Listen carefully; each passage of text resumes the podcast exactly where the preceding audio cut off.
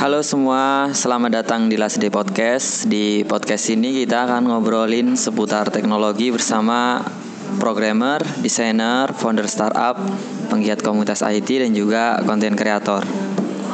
Bersama saya Irsad, kali ini uh, kita kedatangan tamu spesial karena langsung dua orang. Saya udah kenal mereka cukup lama dari dua tahun ya dari dua tahun yang lalu di sebuah komunitas IT. Mereka adalah Mbak Weni sama Mbak Lucy. Uh, saya ucapkan selamat datang kepada Mbak Mbak siapa dulu nih? Weni Weni Weni. Halo. Halo Mbak Weni. ya. Uh, kita langsung mulai yang pertama saya ucapkan terima kasih ya kepada Mbak Weni sama Mbak Lucy udah mau berbagi di Last Day Podcast. Nah kali ini bisa langsung aja mulai dari Mbak Weni perkenalan Mbak Weni siapa dan kesibukannya apa di luar kesibukan utamanya apa. Hmm.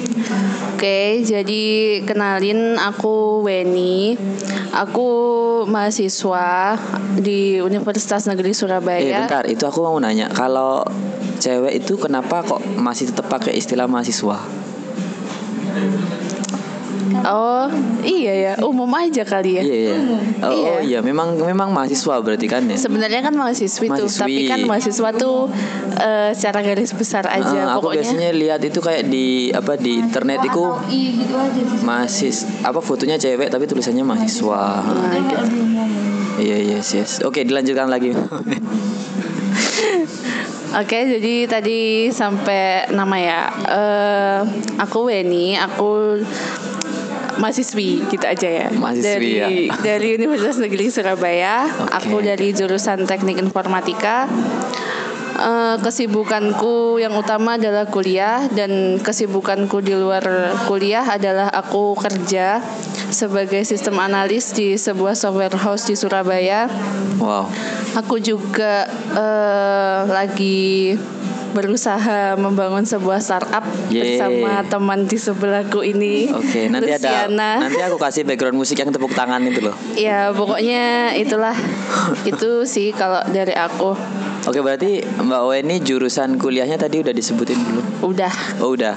Oke, next kepada Pak Lucy. Oke, perkenalkan namaku Luciana Dianingrum. Yeah. Uh, jadi panggil Lucy. Yes. Uh, sekarang kesibukan utamanya jadi mahasiswa di Politeknik Elektronika Negeri Surabaya. Pens. Itu sebelahnya ITS kalau nggak ada yang tahu ya. Biasanya nggak tahu kan sih. Iya, iya, Nah, yeah. itu aku di jurusan Teknik Komputer. Mungkin agak yeah, beda sama okay, Weni. Okay. Kalau aku Teknik Komputer itu ada main hardware-nya, ada main uh, kayak robot-robot juga kayak Kalau gitu. Mbak Weni kan TI, kalau yeah. Mbak Lucy TK.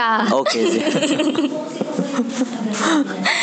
aku di TK kemudian kalau selain kuliah aku juga aktif di organisasi kampus sih kayak himpunan mahasiswa gitu. Uh. terus juga di DSC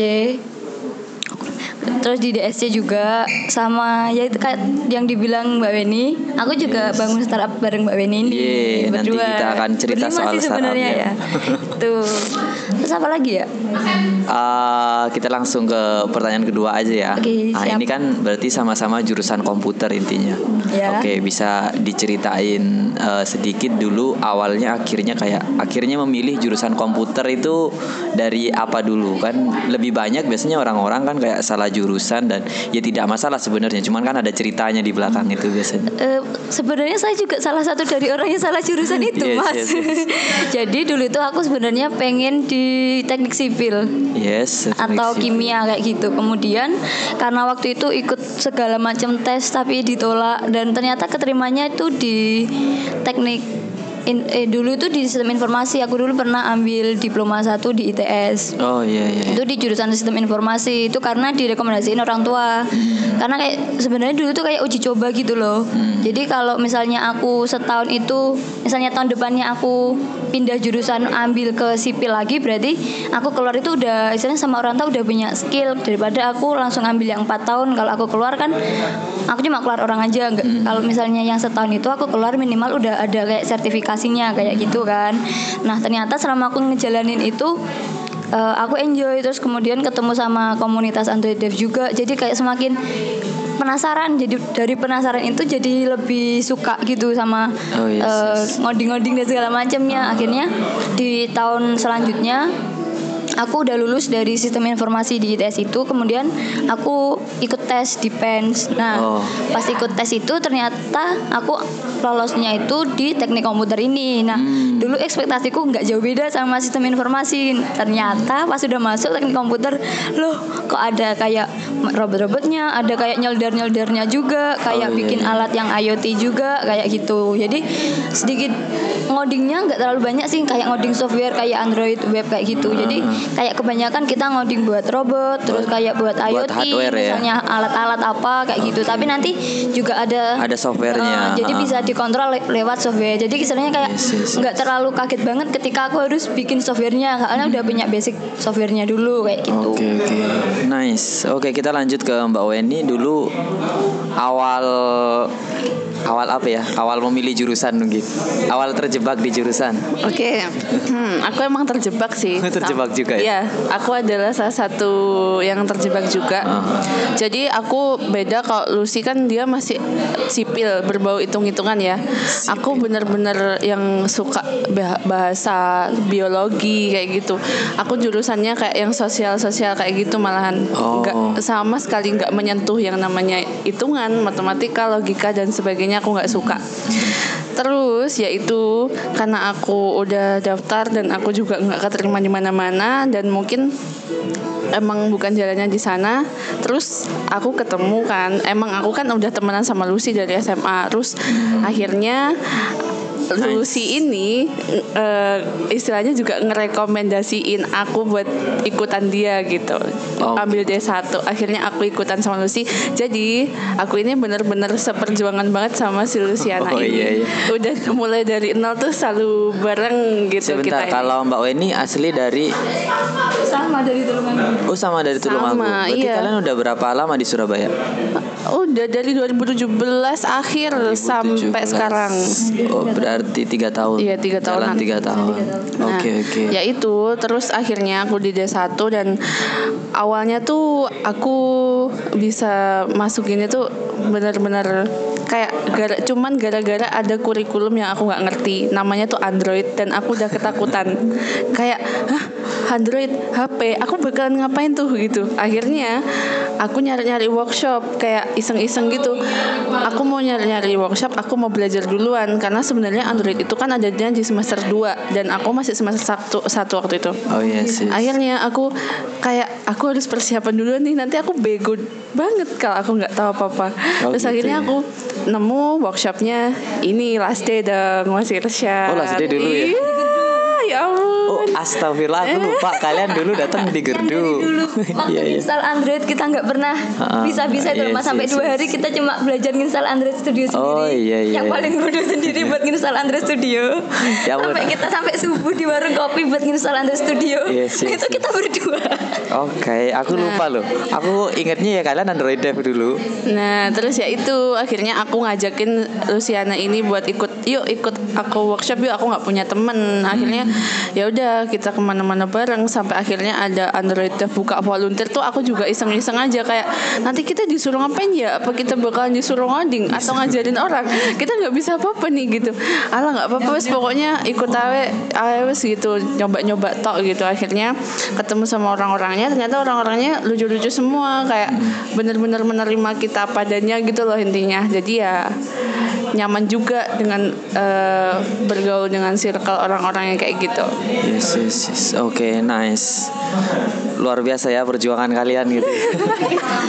Jadi sebenarnya buat nyasar itu kalau kita nemu tempat yang nyaman, kalaupun kita nyasar di tempat yang nyaman, sebenarnya kita pasti bakalan tetap bisa survive. Oke, ini sebenarnya nyambung ke pertanyaan berikutnya. Kan biasanya ada tuh kayak eh, perempuan-perempuan yang biasanya tiba-tiba aktif di komunitas, tiba-tiba udah nggak ada lagi nih.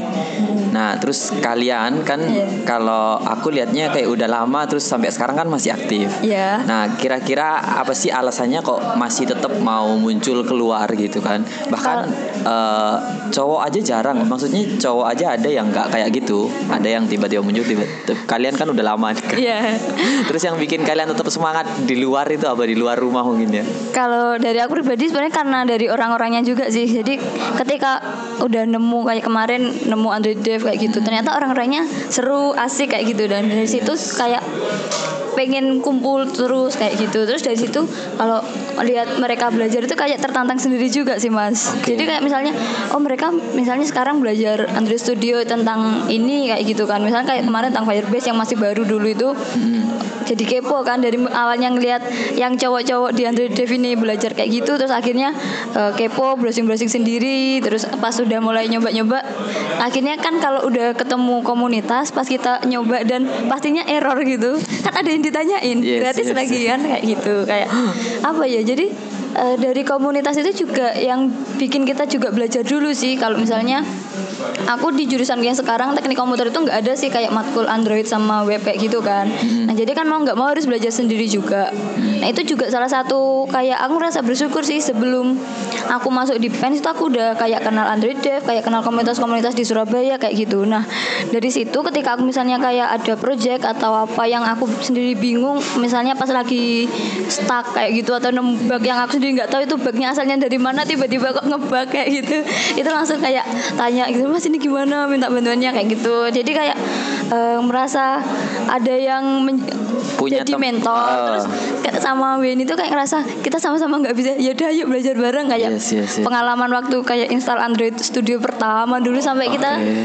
di warung kopi itu aku inget banget sampai jam 4 subuh itu padahal itu jam 7 harus datang lagi ke workshopnya last day itu Oh, yes, yes, soalnya sampai jam 4 itu tetap nggak bisa jadi jam 7 harus datang awal biar dibantuin lagi itu Oh iya. Dulu iya. itu ada Mas Irsad sama Mas Fadil itu kan. Nah, Fadil, itu ha.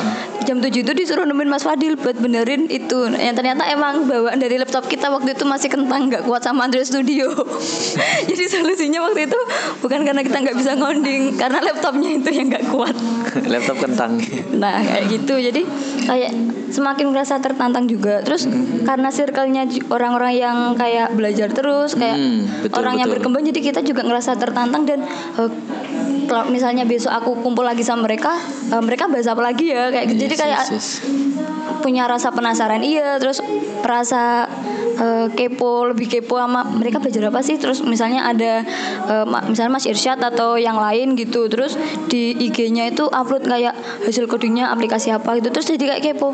Aku juga pengen sih bikin aplikasi kayak gitu. Ya udah besok Oh, pas iya, ketemu eh, bisa tanya-tanya kayak Jadi gitu. sekarang kayak penasarannya semakin naik terus dari Iya. dulu ya. Jadi kayak yang bikin semangat itu sebenarnya karena penasarannya, kemudian orang-orangnya juga seru dan aku merasa kayak circle-nya itu juga mendukung buat aku berkembang kayak gitu. Wih, luar biasa guys. Karena kayak kayak konsisten. Jadi kayak sampai sekarang itu orang-orang kalau misalnya Android itu pas kayak eh kamu bantuin yuk An- Android gitu terus lah aku nggak pernah bisa stop stop kayak gitu jadi kayak istilahnya kalau di kampus itu kayak jadi brand sendiri padahal nggak pernah ngomong aku lo bisa Android itu enggak tapi kadang orang tahu kalau misalnya ada Android atau matkul Android yang susah itu pasti kayak "Eh, mau nggak sharing sama aku bantuin eh, tugasku Android kayak gitu Karena udah terbiasa mungkin. Iya, karena orang-orang juga udah terbiasa tahu ketika aku main-main coding itu kebanyakan main-main di Android kayak gitu Oke, juga. nice, luar biasa. Tuh. Kita next ke Mbak Weni. Apa nih? Eh, sama tadi sama kayak Mbak Lucy terus eh, tiba-tiba Mbak Weni merasa yakin nih wah iya memang aku di jurusan IT dan aku udah in di sini gitu kan sudah nggak mikir bukan nggak mikir yang lain sih tapi memutuskan untuk concern di IT Oke, jadi kalau dari aku sendiri sih se- sebagian besar sama sih kayak yang disampaikan sama Luciana tadi. Tapi kalau aku tuh merasa ketika aku ikut komunitas-komunitas kayak gini tuh eh, itu malah justru jadi jalan menuju impianku tuh semakin terbuka. Kayak Wih. ada sesuatu yang eh, mempermudah kayak ada jalan gitu. Kayak misalkan kayak aku ikut Android Dev uh, itu tuh ada jalan misalkan ada event-event apa yang orang-orang lain belum tahu tuh kita kayak udah, Udah tahu ada duluan. uh, tahu duluan Oh, iya, udah di benar. share duluan kalau nggak gitu ada acara apa dari Pemkot misalkan yang ngundang programmer atau apa tuh kita tuh selalu uh, dapat uh, apa ya istilahnya undangan gitu dan nggak semua orang bisa dapat kesempatan dapet itu. kayak gitu Yes, gitu yes, yes, apalagi sekarang tuh kita nggak cuman di Android Dev aja kita juga udah uh, mulai bantu-bantu di Google Developer Groupnya Surabaya Wih. jadi aku sama Luar biasa Luciana kebetulan kan juga juga udah jadi GDG tim yang bantuin juga. Jadi kalau misalkan ada event-event terbaru eh, apa gitu dari Google yang orang luar belum tahu kita tuh udah tahu duluan. Jadi kita bisa ya istilahnya orang dalam lah gitu. Oke. itu malah membuka jalan buatku sih kalau menurutku kayak gitu. Selain eh, komunitas karena pengalaman yang udah aku dapat jadi ketika aku kuliah ada mata kuliah apa gitu aku merasa oh aku udah pernah. Meskipun aku nggak jago-jago amat tapi aku merasa aku nggak boleh bego-bego amat gitu aku udah pernah jadi paling nggak aku harus bisa mengasah lagi gitu Iya iya. iya. kalau dari aku sih gitu jadi aku punya passion dan ketika teman-temanku tuh mesti aku tuh paling nggak suka sama orang yang bilang kamu tuh dewa ya kamu kamu tuh Mas pro ya. mbak pro mbak Suhu. mas suhu mas tahu nggak suka sebenarnya kayak gitu karena sebenarnya kita tuh bisa itu memang karena kita belajar bukan karena kita suhu dewa dan Bukan sebagainya karena kayak kita gitu punya bakat. gitu Iya ya. itu bakat pun kalau kita nggak diasah juga sama aja gitu kalau menurutku dan itu memang salah sih kalau di kalangan anak kampus kan isinya kayak gitu gitu. Dan dengan kita berkecimpung di komunitas kalau aku sih aku jadi kenal banyak orang-orang hebat gitu. Maksudnya misalkan kalau dari IT kan jadi kenal orang-orang yang udah kerja gitu. Jadi udah benar-benar kalau aku sih ngelihat orang tuh secara persona tuh udah tahu oh dia itu udah kerja kerja di IT tuh kayak gini gitu. Dan aku udah tahu arahnya harus ke mana gitu. Aku belajar ini aku bakalan bisa jadi ini gitu jadi aku nggak bingung-bingung lagi kayak eh, istilahnya sampai sekarang semester akhir kok aku masih ngerasa nggak bisa coding kalaupun aku nggak bisa coding aku pasti tetap bakalan cari celah lain gitu aku harus tetap survive gitu pasti Wih. ada kalau aku sih gitu sih Oke, ye, tepuk tangan. Tepuk, tepuk tangan terus ini kan. Wih, gitu ya. Oke. Sama tambah lagi sih Mas Ah. Irsyad.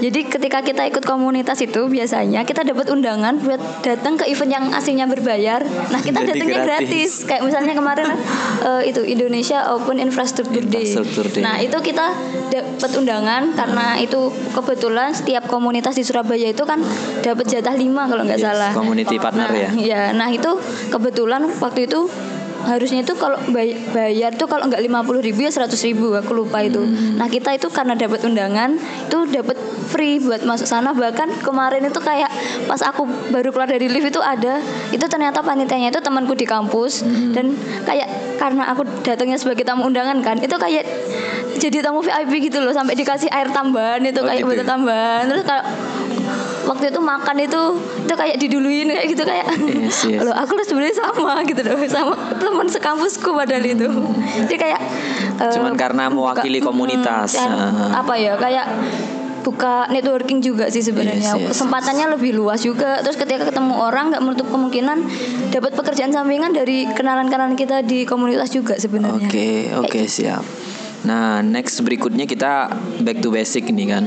Ini kan nggak semua teman-teman yang dengerin mungkin sudah kuliah atau bahkan ada yang lulus sekolah langsung kerja dan belum kuliah.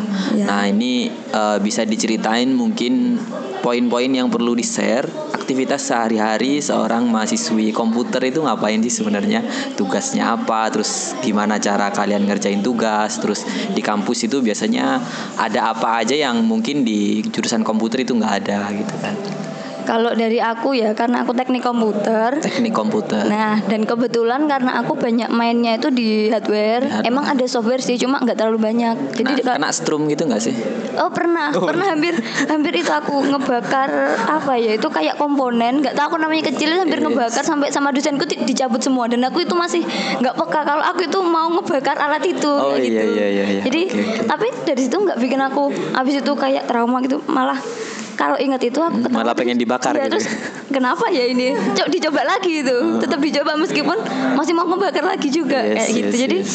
eh, serunya itu ketika kita eh, nggak bisa entah itu antara polos sama bodoh emang beda tipis kayaknya ya.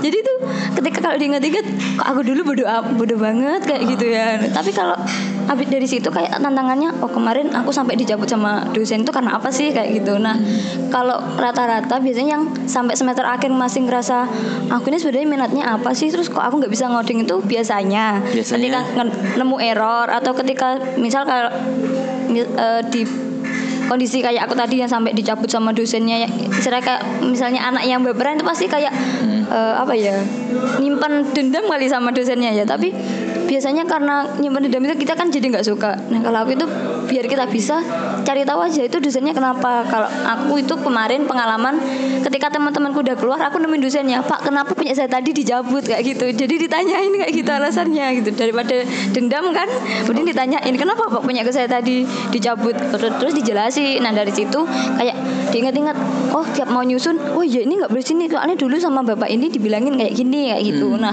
kalau mau terus bisa survive di komputer atau IT juga sih sama. Itu ya rasa ingin tahunya harus tinggi. Dan kalau misalnya ada orang yang kayak ngetawain atau orang yang istilahnya malah kayak bikin kita ngerasa bodoh itu jangan malah dendam Pernah nggak sih? Pernah nggak sih? pernah Oh pernah ya? Pernah. Gini. bahkan sampai pernah waktu itu di awal-awal banget temanku itu bisa semua gitu waktu itu semester satu sih disuruh kayak kita tuh nge- ngeset ulang alat yang dibikin error sama dosennya Oh, itu di- gitu. kita disuruh ngebenerin aku sendiri yang nggak bisa Oh gitu. Terus akhirnya aku tanya sama dosennya. Ak- Jadi ketika temanku udah keluar, aku nggak ikutan keluar. Aku tanya dulu, Bu kenapa punya saya tadi kok nggak bisa? Padahal saya udah ikutin eh, step-step yang diajarin waktu praktikum di hari biasa gitu kan.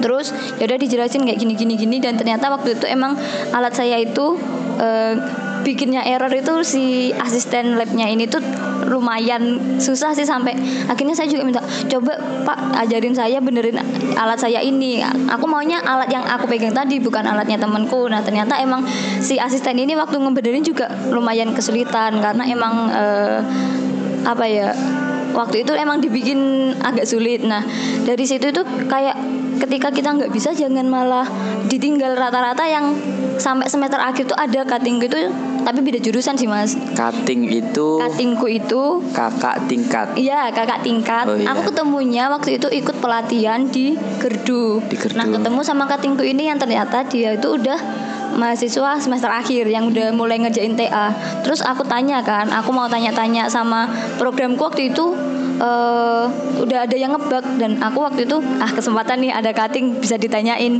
Pas aku deketin eh ternyata cuttingku ini malah bilang aku aja masih bingung deh caranya ngoding gimana. Terus aku bilang kalau aku jawab salah ini cuttingku sendiri di kampus ini aku terancam masih maba lagi waktu itu. Ya udah aku cuma diem gitu kan. Yes, terus yes, yes. akhirnya dari situ aku kayak ngambil pelajaran. Emang cuttingku ini waktu dari awal itu kan cerita-cerita juga. Ternyata dia itu dari awal udah nggak bisa ngoding benci lagi sama coding. Oh gitu. Jadi kan tambah nggak suka. Ah. Nah, dari dari situ pun aku akhirnya kayak ngambil kesimpulan, oh berarti kalau kita pengen bisa ya cari aja kayak bener yang dikatakan Weni tadi. Oh, misalnya aku nggak bisa yang nyusun-nyusun komponen listrik gitu kan. Terus aku ngerasa aku lebih suka ketika ngoding Android atau web. Berarti ya celahku kan di situ. Aku bisa istilahnya di apa jurusanku nggak ada Android sama web tapi aku passionku di situ. Ya udah aku belajar sendiri di situ meskipun Oke, ketika betul. eh, di jurusanku ada matkul listrik ya aku paling bodoh sendiri gitu. Tapi kan nggak harus kita karena nggak bisa nyusun listrik berarti masa depanku udah suram. Enggak tapi kan masih ada peluang lain kayak gitu. Sampai akhirnya aku waktu semester 2 itu udah agak ngebut sampai akhirnya ngeberaniin diri ikut hackathon lah ikut lomba-lomba ngoding segala macemnya. Waktu itu sampai akhirnya punya pengalaman bisa berkunjung ke Tokopedia gitu kan Yeay. terus eh, bisa jalan-jalan keluar kota Nanti kita pakai backsound. Kayaknya banyak backsound tepuk tangan habis ini. Nah jalan-jalan keluar kota gratis lagi karena ikut lomba kan itu juga kayak jadi semangat lebih gitu ya misalnya wah aku kemarin udah dari Tokped besok misalnya ada lomba oh di Jogja ini ada lomba sekalian jalan-jalan ke Jogja ikut aja ah kayak gitu.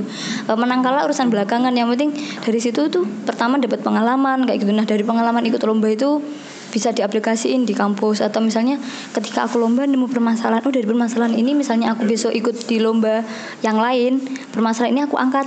Itu aku bikin alat atau aku bikin program yang bisa aku ikutin di lomba itu kayak gitu. Nah sampai akhirnya dari rasa ingin tahuku dari rasa semangatku untuk jalan-jalan keluar kota demi lomba-lomba itu di semester tiga, di semester 3 aku dapat eh, kesempatan sih buat jadi mahasiswa berprestasinya PENS kayak gitu. Wih. Jadi kayak Wow. karena Kalian orang- kepo orang-orang banyak luar biasa tanya ya. gitu.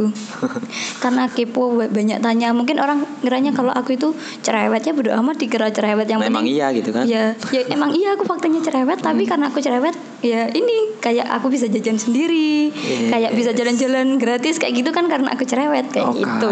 nice, nice, nice. Jadi kalau misalnya nggak bisa, ya udah nggak usah merasa paling bodoh terus duniaku udah aku nanti kalau lulus gimana ya? Aku nggak bisa ngapa-ngapain. Cari celah aja. Kalau misalnya nggak bisa ngoding cari aja apa ya? Ka- kan di komputer juga ada yang namanya kayak analisa. Misalnya oh ini masalahnya ini terus kita bikin aplikasi ini. Nah aplikasinya itu jalannya kayak gimana nanti? Itu kan juga tetap bisa. Terus nanti dibikin karya tulis. Terus nanti misalnya kita tinggal nyari teman. Oh temanku yang bisa ngoding yang bisa bantuin aku buat ngerel merealisasikan alatku ini tuh si A misal ya udah kita aja saya kayak kolaborasi atau kerjasama sama si A jadi aku yang punya ide aku yang bisa ngasih tahu misalnya alurnya aplikasi ini kayak gimana si A yang bantuin aku buat mengimplementasikan dalam bentuk program yang ngoding-ngoding kayak gitu Oke, siap.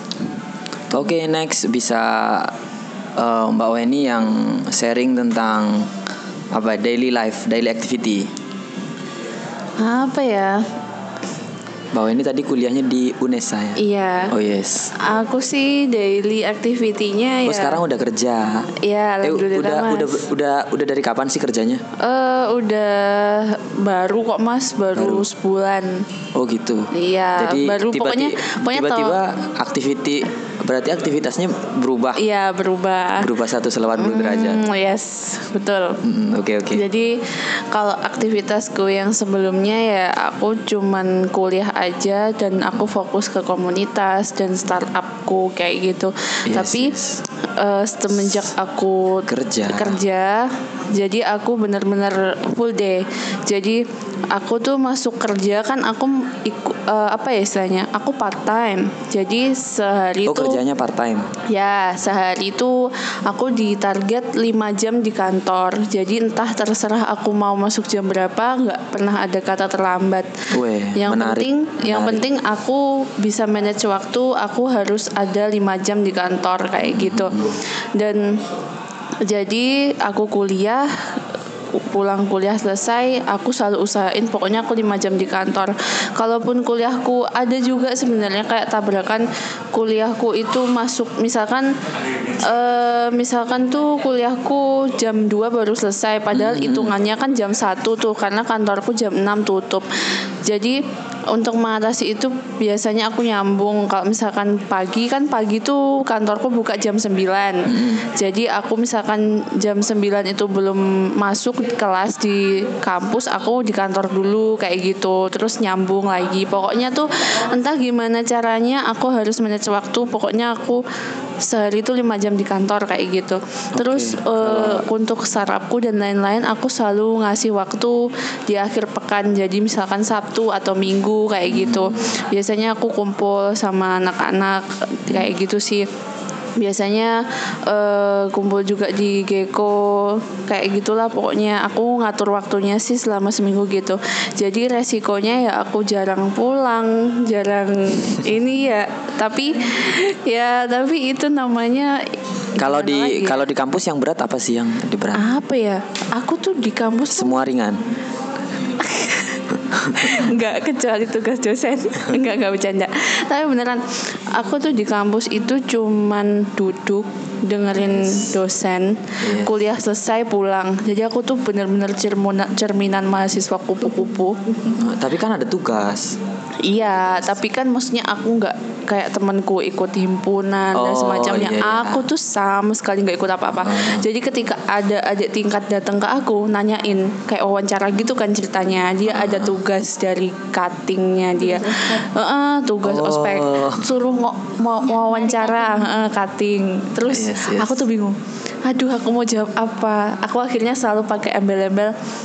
Eh pokoknya kamu jangan niru aku yang kupu-kupu ini ya. Tirulah yang baik-baik yang jelek-jelek jangan dibawa pulang. Aku selalu bilang gitu kalaupun bisa seimbang bisa aktif di luar kampus dan di dalam kampus itu malah bagus gitu hebat. Tapi jujur aku nggak bisa. Kalau aku aku emang harus fokus di satu sih kalau aku. Yes, yes, yes. jadi aku memang fokusnya di luar aku nggak fokus di kampus karena jujur aku punya mindset yang mungkin agak mungkin ada yang nggak setuju ya. Tapi Ah. aku punya mindset aku di kampus itu niatku belajar. Hmm, betul betul. dan aku kenapa nggak ikut himpunan dan lain sebagainya? Karena aku tahu ujung-ujungnya himpunan itu adalah io aku nggak mau menghujat.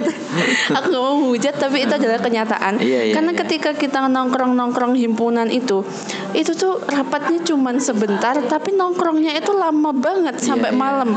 Itu adalah hal-hal yang paling aku nggak suka dari kegiatan-kegiatan kayak gitu dan itu aku merasa sangat wasting kayak gitu.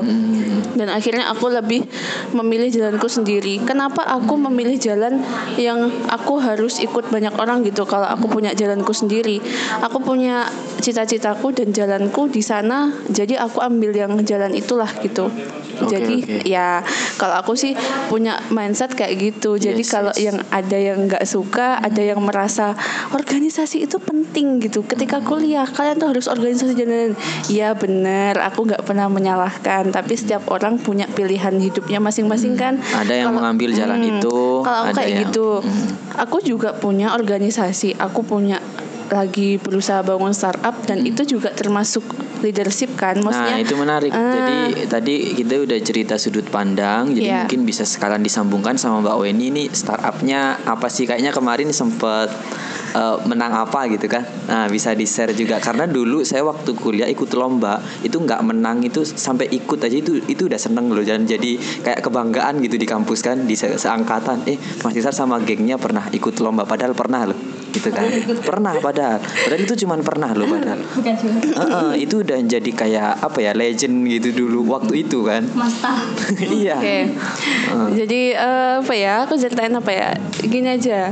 Intinya aku ikut. Jadi gini, aku kemarin itu iseng, jujur, sumpah demi Allah, aku cuma iseng doang. iseng Jadi- tapi menang ya aku nggak tahu kalau aku bakal menang. oh Jadi gini. justru kalian menang gara-gara iseng Ya, Kalau serius. coba kalau serius. Gak, aku kalau serius malah kalah. iya iya iya iya heeh. Jadi aku tuh udah hampir Ah, mungkin bisa 10 diceritain startupnya dulu nih biar Oke. orang-orang connect dulu kalian Oke. bikin apa sih gitu kan Oke oke, jadi gini, aku itu bikin startup Hmm. kayak eh, semacam dia itu sebuah platform Yes. yang menjual jurnal-jurnal dan istilahnya draft karya tulis ilmiah gitu. Hmm, hmm. Jadi intinya kayak gitu sih. Mungkin yang kayak gitu udah ada. oh udah ada ya Udah ada. Aku nggak tahu sih. Udah banyak. Tapi iya iya iya tapi eh, aku selalu berusaha memberikan yang beda Hmm. dan kalau misalkan mau tahu apa yang beda tunggu aja ya soalnya bentar lagi launching kok Oh iya. Jangan oke, sekarang. Oke, siap siap. Kita Oh, balik ya, ke- in- kita balik ke- lagi ke cerita yang tadi Oke. akhirnya menang. Jadi aku itu Ada ikut ada event. ada event namanya itu biar kalian tahu aja ya maksudnya biar nanti bisa siap-siap oh bisa ikut gitu Iya, ah. namanya tuh Global Startup Weekend Iya, global. Sebenarnya Global Startup Weekend itu banyak siap eh, sering lah diajain. Tapi kebetulan aku ikut yang special edition yang woman. Jadi Oh. memang Global Star- Startup Weekend Woman. Jadi Hmm. memang di sini khususnya itu foundernya itu adalah cewek kayak gitu Hmm. intinya. Jadi aku kemarin ikut itu dan kebetulan aku juga bingung kan nyari tim dan aku untungnya aku bawa tim sendiri tiga orang temenku termasuk Mbak Lucy. Enggak, Lucy itu udah rekrutmen baru karena Oh, aku iya, udah iya. ditinggal sama timku. Tahu nggak sih eh, membangun membangun relationship dengan tim itu sangat sulit. Sangat sulit. Iya, sulit sekali sulit. karena aku udah Bahkan berulang lebih kali sulit ditinggal. daripada bikin startupnya. Iya betul karena apa ya startup itu bakalan kuat ketika kita memang Timnya memiliki kuat. tim yang kuat Nah, kayak sih. gitu.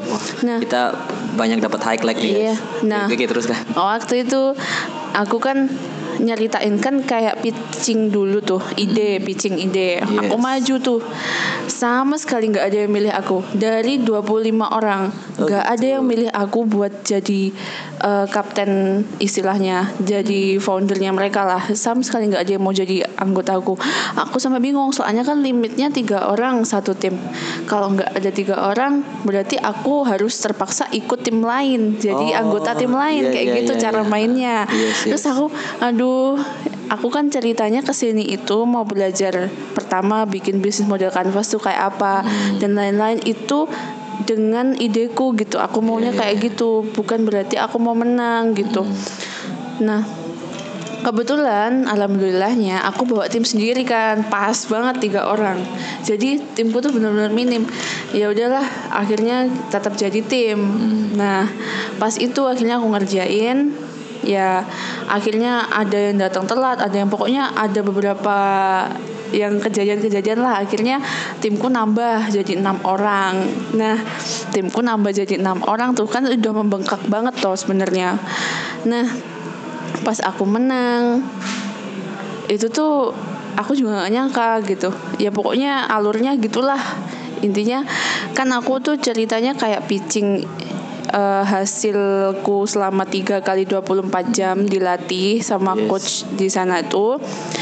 Terus em, ada juri-jurinya juri-jurinya pun tuh pokoknya keren-keren banget lah. Ya cewek-cewek juga.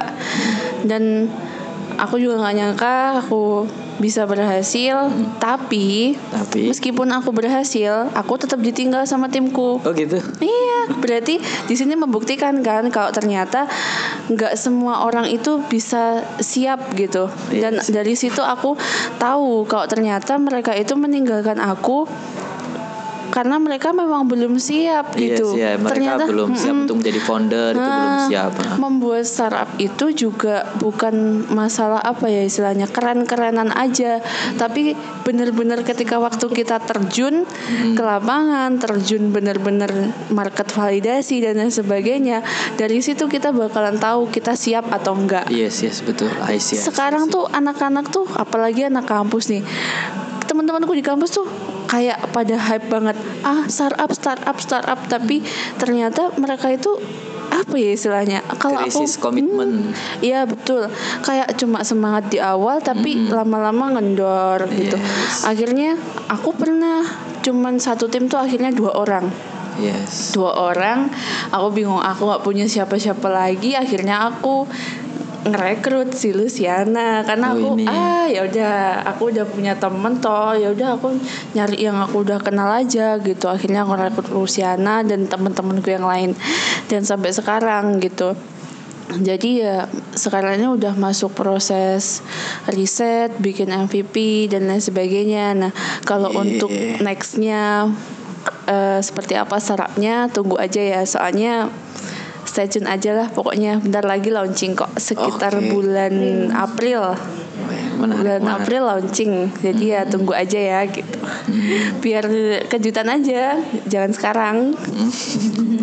Oke, ini tadi kan cerita startupnya versi Mbak Weni. Nah, sekarang versi Mbak Lucy nih. Harusnya kan kayak dapat pengalamannya pasti beda dong kan gitu kan. Hmm. Kalau dapat pengalaman yang beda itu pasti karena eh, kalau dari kemarin-kemarin kan aku pasti kayak ke teknikal kayak mainnya yang coding sekalinya nggak coding kan main eh, kita nyari data buat eh, bukti ini latar belakang masalahnya ini loh. Nah, Oh, ketika yes, yes, masuk ke startup ini bareng Weni itu di situ eh, kan aku sama Weni di bagian buat istilahnya kayak bisnisnya. Itu juga insight baru sih kayak yang biasanya kita main di coding sama data kayak gitu terus kita mainnya di bisnisnya kayak eh, berdasarkan data yang kita peroleh di lapangan misalnya untuk target pasar eh, kita rencanain apa nih buat bisnisnya biar diterima dengan data misalnya data target pasarnya segini terus kita harus ngelakuin apa kayak gitu. Itu kan hal baru soalnya kita mempertimbangkan dari sisi bisnisnya kayak gitu.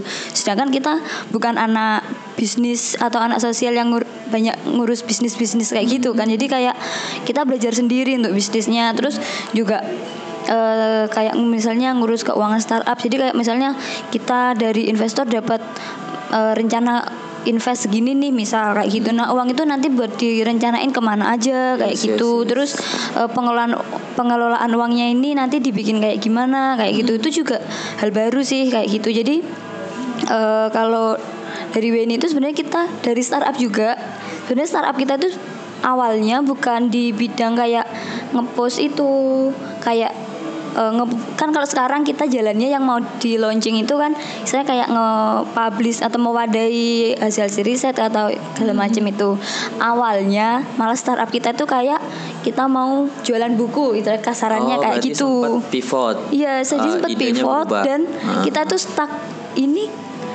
apa ketika kita udah riset pasar kita nyadar kayaknya kalau kita tetap mertahanin gini target pasarnya itu minim dan saingan kita itu udah jelas ini tuh udah gede saingan Yes, pasarnya udah yes. kayak gini oh jadi kayak akhirnya dapat masukan dari eh, bu yang bakal jadi investor kita lah kayak Oh, gitu. gitu. Nah itu kamu bikin kayak gini aja. Oh terus kita pertimbangin, kita cari-cari data di apa kita riset juga. Oh, kayaknya ini lebih apa ya lebih menjanjikan lah peluang pasarnya. Dan kita juga punya gambaran bisnisnya kayak gini. Istilahnya kayak gambaran bisnisnya lebih jelas gitu loh. Masa depannya ini lebih cerah karena kita juga oh iya ya benar juga kalau dilihat dari data juga lebih bagus daripada yang ide kita yang kemarin kayak gitu. Jadi eh, kalau menurutku startup itu bukan cuma kayak buat keren-kerenan. Aku loh founder startup ini, nggak nggak sesimpel itu. Jadi di balik itu kita juga harus siap misalnya ada masukan dari orang meskipun kayak kalimatnya bagi kita mungkin kayak ngejel banget tapi kadang dari situlah yang ngebuat kita bisa lebih berkembang kayak gitu. Kalau misalnya dulu kita tetap mertahanin atau misalnya kita idealis dengan ide kita awal, mungkin kita nggak bakalan bisa sampai ke titik yang bakalan launching kayak gitu. Oke, nice. Dari ini mungkin masih di Balusi aja karena Balusi tadi juga membahas tentang coding gitu kan. Nah, Iya. dari sekian perjalanan yang membuat kalian akhirnya punya pengalaman sebanyak itu, Ya. yang awalnya kan salah jurusan nih, anggap aja Iya. salah jurusan kan. Salah akhirnya jurusan kalau banget. menurut kalian eh, apa sih pentingnya buat perempuan belajar coding? Oh, pentingnya perempuan belajar coding. Kalau menurut aku kan sih mungkin udah kerasa nih kan Iya. hasilnya mungkin ya. Pentingnya sebenarnya nggak cuma buat perempuan aja. Gitu. Karena keti- eh, kata Mas Menteri, Mas Adi Oh, Makarim iya, sendiri iya, iya, kan, iya, betul, di masa depan itu kan kita Salah minimal satu, punya ah. bekal coding meskipun basic kayak gitu. Yes, Soalnya yes, yes. ke depannya tuh kita nggak bisa dipisahin sama yang namanya teknologi, Teknologi, kayak gitu oke, kan. oke. Nah, kalau misalnya kita nggak bisa bahasa coding, sebenarnya kan coding itu kayak bahasa kita ngobrol sama komputer, bahasa kita ngobrol sama eh, kom- apa benda mati itu kan. Kayak Sebenarnya komputer itu bukan eh, alat yang pintar, tapi alat yang biasa aja. Nah, itu tergantung penggunaannya dari kita kayak gitu. Nah, basicnya kita bisa menjadikan komputer itu pintar apa ya dari coding itu sendiri nah dari coding itu kita bisa mau ke mana aja kayak misalnya dari coding aku mau bikin bisnis toh sekarang kayak Gojek. Gojek eh, kalau kita nggak bisa ngoding nggak bisa dong am- apa ada alat yang namanya Gojek atau ada aplikasi Gojek yang bisa kita gunain Hmm, kayak betul, gitu. kan betul, nah betul. lainnya juga kayak gitu. Jadi pentingnya coding kalau buat aku sih penting banget. Karena eh, nggak usah kita lihat masa depan sekarang aja kita kayak eh, dikit-dikit pakai aplikasi dikit-dikit eh, pakai alat komputer atau IoT atau segala macamnya yang notabene itu semua memerlukan kemampuan basic dari coding, itu Coding. sendiri jadi kalau menurutku mau nggak mau suka nggak suka kita harus minimal tahu lah soal coding gitu.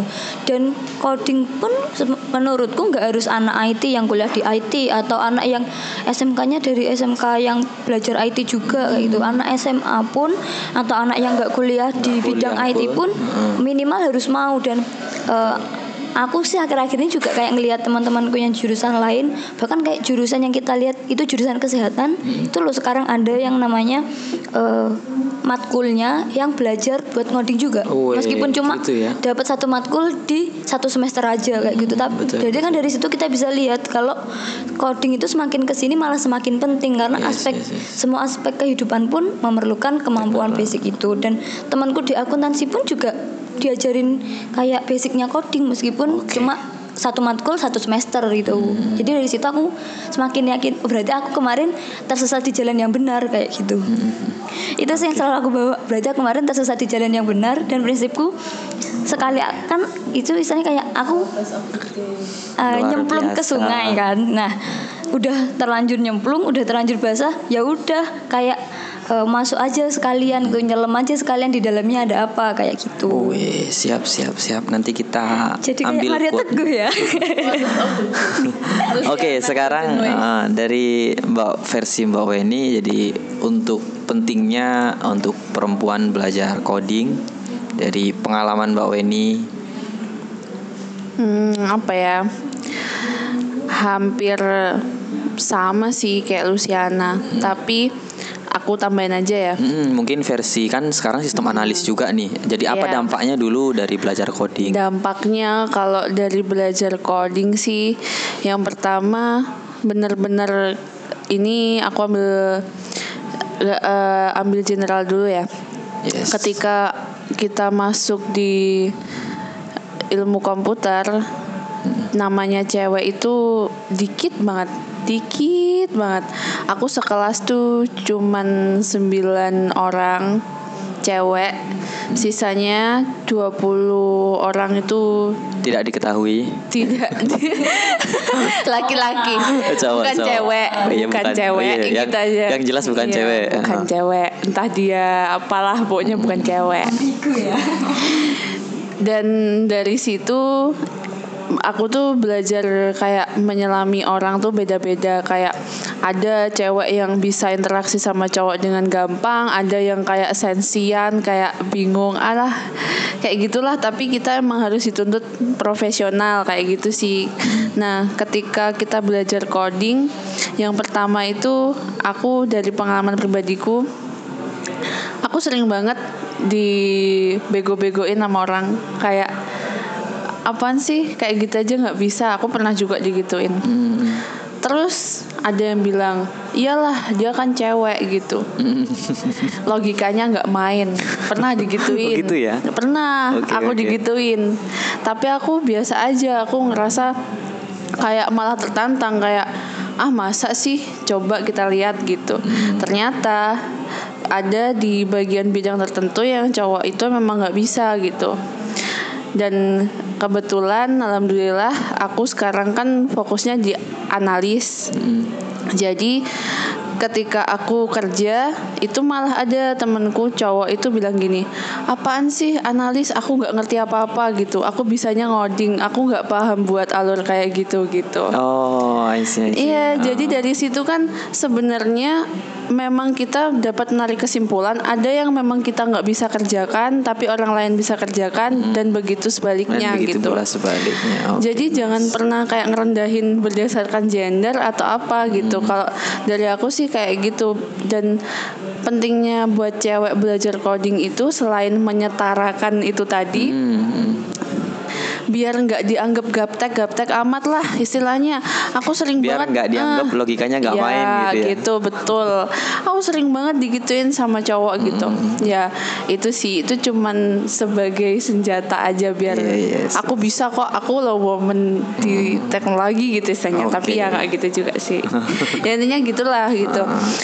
Terus eh, selain itu kan ibu-ibu tuh aku belajar banyak dari Bu Heni kali aja Bu Heni dengerin ya Hmm, Bu Heni, Bu mom. Prasetya Rini dari Coding Mom. Aku belajar banyak dari beliau. Weh. Beliau ini keren banget, woman intact banget. Pokoknya beliau itu sangat menginspirasi semua ibu-ibu lah. Dan eh, berhasil membuktikan kalau cewek itu nggak selamanya gaptek, nggak selamanya di dapur, tapi juga bisa ngoding, bisa buat aplikasi Di dapur. Dan, ya. tapi tetap bisa. Yang penting kan membuat aplikasi kan. yes, Ah. betul. Dan terlepas dari dia perempuan tapi dia juga seorang ibu gitu. Hmm. Jadi dia bisa membagi waktunya untuk keluarga, untuk pekerjaan dan juga untuk belajar coding kayak gitu. Jadi itu adalah hal yang keren gitu. Oke oke siap oke luar biasa ya ini kemudian kita pertanyaan yang terakhir sebenarnya bukan pertanyaan ini adalah eh, bisa share salah satu tips dari Mbak Lucy dan Mbak Weni untuk teman-teman perempuan terutama ya yang mungkin lagi mau milih jurusan komputer tapi nggak yakin atau mereka udah masuk tapi kayak merasa jalah jurusan dan ya udahlah gitu kan akhirnya yang penting lulus lah biasanya kan banyak Iya. yang kan ya gitu Iya, kan. betul.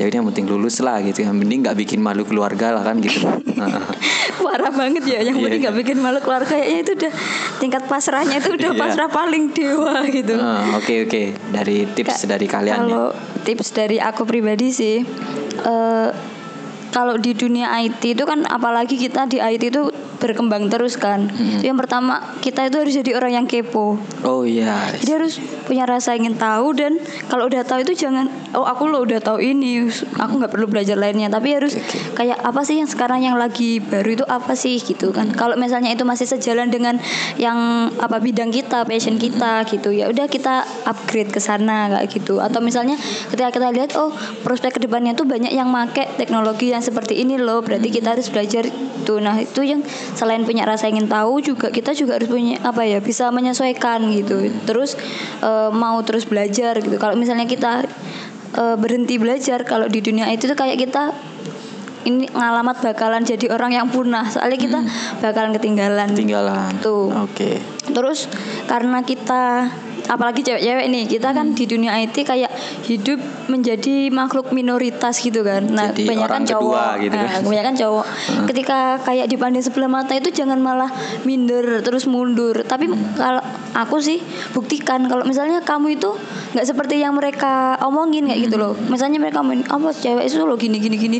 Oke gitu. Itu tantangan. Berarti ketika emang cewek itu loh kayak gini gini gini oke nanti akan balik kata-katanya kayak gitu. Oke, jadi kayak oke. itu menjadi tantangan juga Yes. kayak menjadi apa ya semangat baru juga. Karena oh aku harus membuktikan kalau aku nggak seperti yang mereka bilang kayak gitu. Terus yang paling penting biasanya cewek kan baperan. Nah karena kita banyak cowoknya berarti jangan mudah baperan dong. Nanti misalnya cowok di IT itu sebenarnya kalau menurutku sih mereka orangnya baik-baik dan siap ngajarin Siap ngajarin. dan orangnya juga perhatian misalnya oh, kita di tengah malam ngebut eh, tugas atau yang ada ngoding-ngodingnya gitu buat besok pagi. Terus ketika kita tanya teman kita ada yang mau bantuin nih.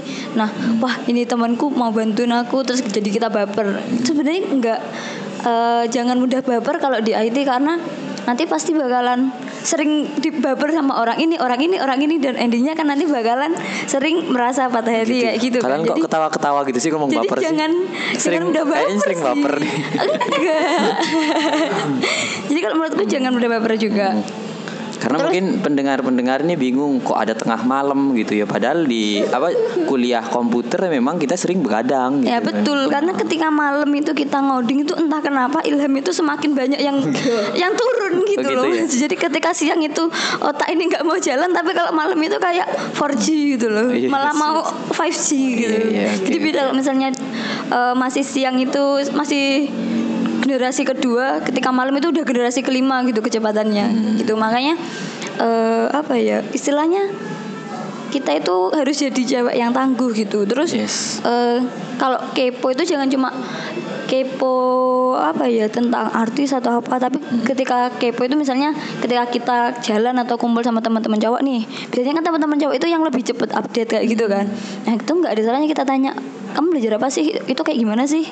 Terus ketika kita pulang coba cari apa yang kita tanya-tanya tadi kita cari oh ini kayak gini nih oke terus kita setelah tahu kita coba-coba misalnya besoknya eh, ada error atau apa tanyain jangan malu misalnya mereka ngat apa sih kamu dari kemarin tiap ngoding kok mesti ada yang error no?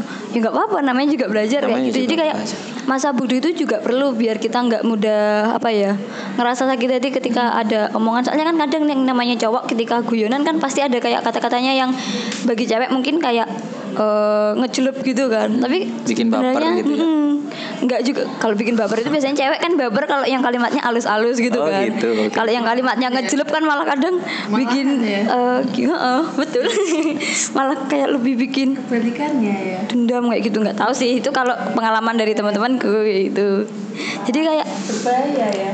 kayak apa ya bodo amat penting tapi rasa ingin tahu juga kepo itu juga penting gitu loh power keponya kepo. keponya kita itu soal perkembangan teknologi bodo amatnya kita itu soal omongan-omongan yang nggak penting didengar. Jadi dengerin yang penting-penting aja. Kayak kita juga harus pintar ngefilter yang mana yang harus kita dengerin yang mana yang ya udah itu kayak dianggap angin lalu. Terus setelah kayak gitu kita juga penting ngefilter teman sih kalau menurut kalau misalnya Membuat kit- lingkaran Mm-mm. ya. misalnya dari awal kita udah ngerasa salah jurusan terus ternyata teman-teman kita orang yang sama-sama meratapi salah jurusan Dan pasrah semua nah, gitu dan ya. pasrah semua alamat itu tahun depan pindah jurusan semua kalau nggak Oke, gitu iya. ayo udah aku berhenti kuliah soalnya temanku ada yang kayak gitu Yes, yes, see, setelah I see. masuk masuk masuk semester 3 keluar Hmm. kayak gitu jadi ya jadi cewek di IT yang jadi kaum minoritas apalagi kan harus misalnya kayak kita tuh harus bermental baja kayak gitu soalnya tantangannya kita tuh juga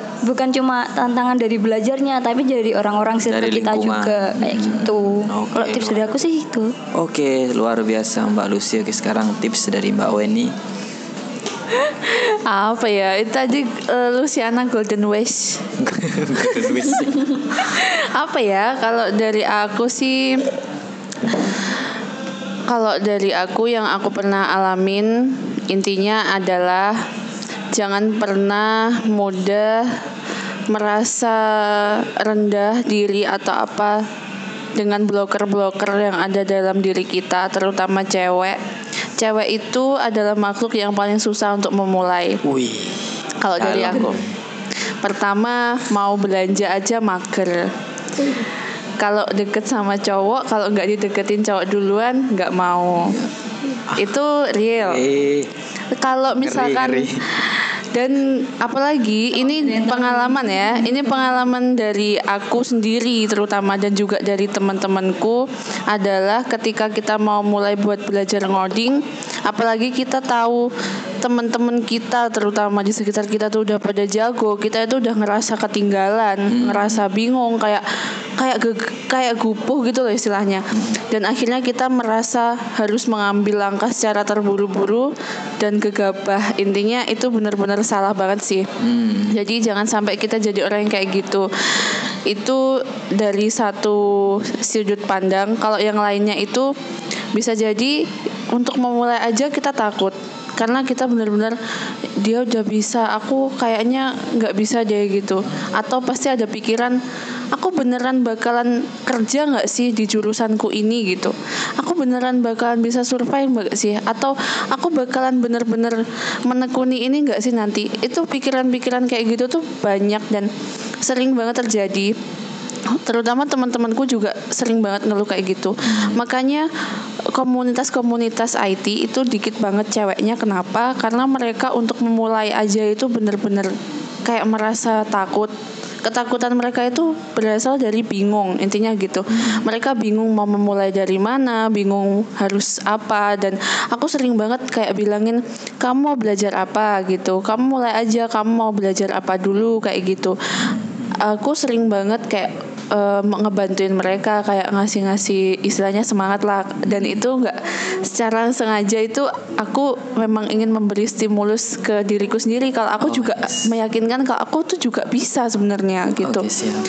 dan aku sering banget kalau mungkin Bu Farida nonton Bu Farida dari Itats dari Female Geek Surabaya. Bu Farida ini juga ngasih banyak banget inspirasi ke aku dan teman-teman Bu Farida itu pokoknya aku sering banget sharing, aku tanya gimana sih Bu caranya ngajak teman-teman cewek buat aktif di komunitas IT gitu, biar mereka itu juga pada mau gitu dan sadar gitu. Ya pokoknya tuh paling enggak kuliah mereka tuh nggak sia-sia gitu loh gitu. Terus Bu Farida cuman bilang kuncinya adalah kamu belajar jadi role model untuk teman-temanmu itu. Caranya adalah kamu harus onsite ngajarin mereka dan lain sebagainya. Tapi beneran ditungguin gitu. Karena apa? Karena kalau nggak ditungguin online atau dan lain sebagainya, pasti ujung-ujungnya mager balik lagi ke poin pertama cewek ya. Jadi kayak gitu dan di situ waktumu buat hal-hal lain seperti buat cowok dan lain sebagainya bakalan tersita gitu. Tapi itu benar-benar apa ya istilahnya tujuan yang mulia gitu. Cuman ya itu tadi aku cuman berusaha untuk menyemangati diriku sendiri kalau aku memang bisa survive gitu mm-hmm. dengan lingkungan yang seperti ini. Dan aku juga menyadari teman-temanku cewek mereka juga butuh dorongan kayak gitu. Dan aku berharap kalau misalkan ada teman-teman cewek yang ngedengerin ini semoga uh, kalian jangan ngerasa takut lagi. Karena jujur aku dan Luciana di sini awal awalnya juga takut aku juga memulai dari nol otodidak kami aku dan Luciana bukan anak SMK semuanya dimulai dari nol otodidak belajar ya tutorial tutorialan lah. Kalau aku dan Luciana bisa kalian pasti juga bisa udah. oke siap. Itu sih dari aku. Oke terus kemudian yang terakhir uh, untuk teman-teman yang pengen lebih dekat sama kalian, kalian aktif di sosial media yang mana nih? Satu aja sih, nanti kita taruh di deskripsi podcast. Satu aja. Kalau aktif di sosial media yang paling penting Instagram sih. Instagram. Soalnya selain aku scroll-scroll itu biasanya aku kayak nyari lomba atau nyari event-event yang biasanya aku ikutin buat ngisi Sabtu Minggu aku hmm. ya di Instagram. Jadi aku sehari itu pasti buka Instagram. Oke, okay, okay. Jadi kalau mau tanya atau chat-chat ya di Instagram itu mungkin aku pas respon juga sih. Oke, siap. Kalau Mbak Weni di mana? Sama sih, aku di Instagram. Aku aktifnya juga ya Instagram aja sih. Aku hmm. Facebook nggak aktif, Twitter juga enggak cuman buat nengok-nengok aja tapi kalau interaksi aktifnya di Instagram. Oke siap. Ya. oke teman-teman nanti uh, kalian bisa langsung kepo mereka berdua. Uh, oke thank you banget nih untuk Mbak Weni dan Mbak Lucy untuk sharing di Last Day Podcast. Semoga ada yang bermanfaat untuk teman-teman. Ini kayak bocah. Ini kita kan pertama kali ngobrol setelah berapa lama Berapa? Satu bulan pernama. Lama banget. Lama banget ya Apa sampai ya terakhir aduh. iya, iya. Gak pernah ketemu lagi soalnya Riset sibuk. Ya, masih riset sibuk keluar kota terus, guys. Dan luar biasa loh kalian sampai cerita kayak tadi itu sampai aku dengerin aku sendiri aja yang dengerin terharu, men. Ngapain terharu? Karena ini ya, kita dari anak yang salah jurusan, hmm. belajar dari nol cuman beberapa tahun, yes. akhirnya bisa uh, dan aku nggak bilang ini sukses sih tapi untuk bisa menjadi sejauh ini aku merasa kayak aku bisa bertahan sampai sejauh ini tuh aku hebat banget mm. kayak yes, wah yes. kayak aku kok bisa sih sampai kayak gini gitu oke okay, okay. dua ini, jempol buat kalian guys ya ini ini namanya mengapresiasi diri sendiri sih yes, tapi sebenarnya yes. ini bukan berarti udah sukses ya. Ini masih tahap awal. Masih perjalanan. Yes, betul. Oke, okay, terima kasih teman-teman. Semoga ada yang bermanfaat dan jika ada kritik dan saran, uh, kalian bisa DM di Instagramnya @lasdid l a z d a y i d dan sampai bertemu di episode selanjutnya. See you guys. Yeay.